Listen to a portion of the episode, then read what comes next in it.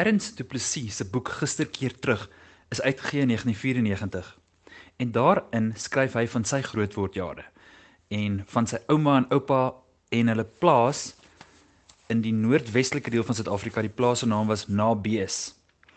Dit dit staan hier dit was in die distrik Kenhardt in die noordweste en die naam uh, van die plaas was Doornboom Graafwater, algemeen bekend as Nabees. Nou o, hulle het ook maar primitief daar gelewe en hy skryf bietjie daaroor en van hulle huisgodsdiens. Hy begin hier te sê die eerste jaar op Nabees het ons in tente gewoon. Binne die tent is daar geslaap en geëet. Die kookwerk het buite in 'n asbos skermplaas gevind. Later is daar darm 'n steenkombuisie gebou. So 'n asbosskerm was redelik dig en het die wind en die vuur weggekeer, maar natuurlik geen beskutting teen die son gebied nie. Om die ergste son uit te hou, het ouma hulle groot kappies gedra sodat feitelik net die oë, mond en ken sigbaar was. Om die hande teen die son te beskerm, is vel handskoene aangetrek. Dit het die arm tot by die elmboog bedek en net die punte van die vingers het vooruit gesteek. Die handskoene was so gemaak dat die vleiskant buite was en die wolkant binne.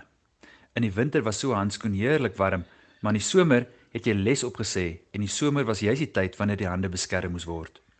Ook die jong meisies het 'n kappie en handskoene gedra wanneer hulle buite in die son gewerk het, want daar's geglo 'n meisie se vel moet wit wees en die son moet tot elke prys uitgehou word. Hoe het die opvatting nie in julle tyd verander nie? Hy skryf eintlik 'n boek vir sy kinders. Ons niggies wat op nous gewoon het, se ma het hierdie wit wees tot elke prys sindroom nog verder gevoer. Elke oggend nadat die hare gekam was, het sy die kappies met dubbele gare op hulle koppe vasgewerk. So 'n kappie het nooit gedurende die dag van die kop afgekom nie. Eers in die aand is dit weer losgeknip. Verder moes hulle lang swart kousies, handmoffies en winter en somer langmou rokkies dra. En wanneer die smous een keer per jaar met kwepers en groente sy verskyning gemaak het, is daar spesiaal voorsorg getref dat die hande tog nie swart word van granaatsap nie. Die inhoek van die sementstoep is skoon gewas en daar het oom Koos, hulle pa, die diep bord vol granaatpitte wat hy uitgedop het, omgekeer. Hulle moes op hulle maag gaan lê en die granaatpitte eet sonder om met die hande daaraan te raak. 'n Jaar of wat nadat ons na Bees toe getrek het, het oupa besluit om te laat bou, huisbou. Twee groot slaapkamers, 'n groot eetkamer wat ons 'n spens genoem het, 'n voorhuis, 'n kombuis en 'n waanhuis. Eers is 'n hoë stoep gebou en toe het die vertrekke gevolg. Die mure was hoog en die dak netjies met strooi gedek. Op die strooidak was ons tog nie bietjie trots nie. Dit was die enigste strooidakhuis in die hele buurt en daarbey was dit so netjies gedek dat almal notisie daarvan geneem het. Min het ons geweet dat die strooidak ons later dakloos sou laat. Die kombuis was ruim, want daar moes plek wees vir 'n S, 'n omgeboude verhoogie waarop daar vuur gemaak en gekook kon word. Op die S het die bek van die bakoond wat na buite uitgebou is uitgekom. In hierdie ou bakoond het ouma tot 12 panne brode met twee brode in 'n pan op 'n slag gebak. En wat was dit nou vir wat wat was nou vir 'n kind lekkerder as 'n sny warm brood met botter of vet daarop? Dit was die gebruik dat ons kinders beurte moes maak om soggens vroeg nog dou voor dag koffiewater te kook. Daarvoor het ons saans die fyn houtjies en ander hout reggesit sodat ons die ander dag môre net die vuur kon aansteek. Jy het nogal verwelkom wanneer dit jou beurt was om koffiewater te kook. Want sien, in die kombuis het daar 'n groot skottel vol melk gestaan, soms gekook, soms rou. En die een wie se beurt dit was om die koffiewater te kook, het die voorreg gehad om die room af te skep en te eet of dit in sy koffie te gooi. En Boeta smaak so 'n room so vroeg in vroeg in die oggend vir jou agter die oor.